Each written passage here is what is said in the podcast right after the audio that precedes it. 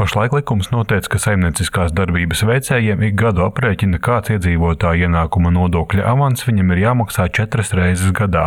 Tas nebija jādara divos Covid krīzes gados. Savukārt šogad valsts ieņēmuma dienests jau paguva izplatīt atgādinājumu pašnodarbinātajiem par ienākuma nodokļa avansa maksājumiem. Tomēr pagājušajā nedēļā finanšu ministrs Arvils Ašarādens no jaunās vienotības solīja to atcelt pavisam, vienlaikus atvainojoties par novēloto soli. Budžets šīs izmaiņas neiet ietekmēs, skaidroja Finanšu ministrijas valsts sekretāra vietnieks Ilmārs Šņucins. Pēc būtības notiek šī maksājuma pārnešana laikā. Nu, faktiski šāvāns maksājumi netiek zaudēti no valsts budžeta puses. Vienlaikus mēs redzam, ka pieņemot šo likuma projektu, nebūs negatīvas ietekmes budžeta bilants, ko pasaka arī šī divu mēnešu izpildu, ko mēs redzam tagad. Pašlaik ir plus 17 miljonu papildu ieņēmumu. Šim pasākumam nebūs negatīva ietekme uz budžeta deficītu šobrīd. Līdzīgu priekšlikumu par ienākumu nodokļu avansa sistēmas izbeigšanu jau decembrī iesniedza Saimas opozīcijā esošās Zaļo un Zemnieku savienības frakcijas deputāti. Tomēr šī iniciatīva palika bez virzības.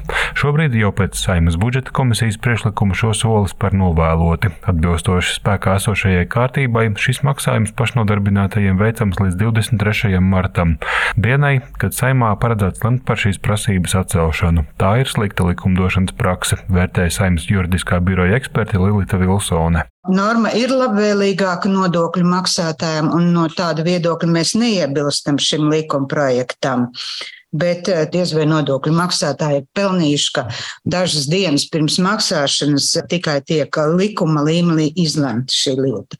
Valsts ieņēmuma dienestam būs nepieciešama nedēļa, lai pielāgotu datu sistēmas gaidāmajām likuma izmaiņām un apziņotu visus saimnieciskās darbības veicējus, uz kuriem tās attiecas.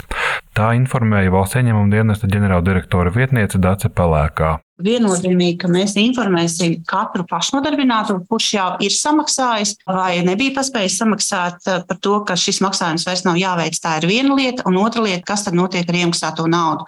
Un tā būs viņa izvēle, vai viņš atstās eh, valsts rīcībā un novirzīs tālākiem maksājumiem, un ja pašnodarbinātais izvēlēsies saņemt atpakaļ to naudu, mēs viņu arī atgriezīsim. Paredzēts, ka norma par ienākumu nodokļu avansa maksājumu atcelšanu stāsies spēkā piekdien ar atpakaļējošu datumu 1. janvāri. Jānis Kincis, Latvijas Radio.